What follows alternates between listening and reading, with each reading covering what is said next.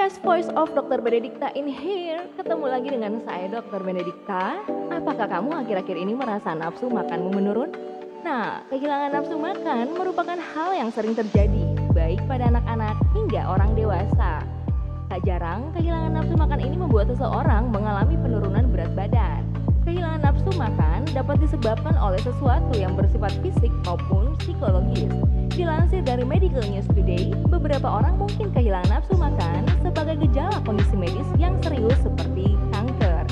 Namun, ada lima penyebab umum seseorang dapat kehilangan nafsu makan. Yang pertama, penyakit infeksi. Infeksi virus atau bakteri yang umum seperti flu Makan akan kembali normal ketika seseorang telah sembuh atau pulih.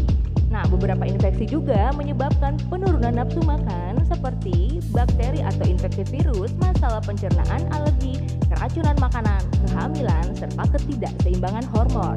Yang kedua, pengobatan tertentu.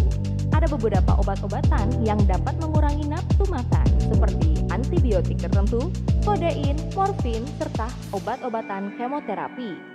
Yang ketiga, kondisi medis kronis.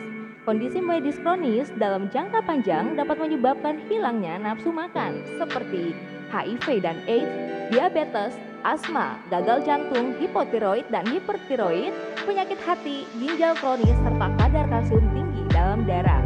Dan yang terakhir adalah stres. Stres sangat dapat menjadi faktor penurunnya nafsu makan pada seseorang. Misalnya ketika merasa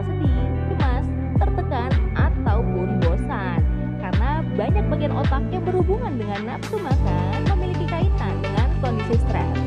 So, bila kamu mengalami keadaan seperti ini, segera konsultasi dengan dokter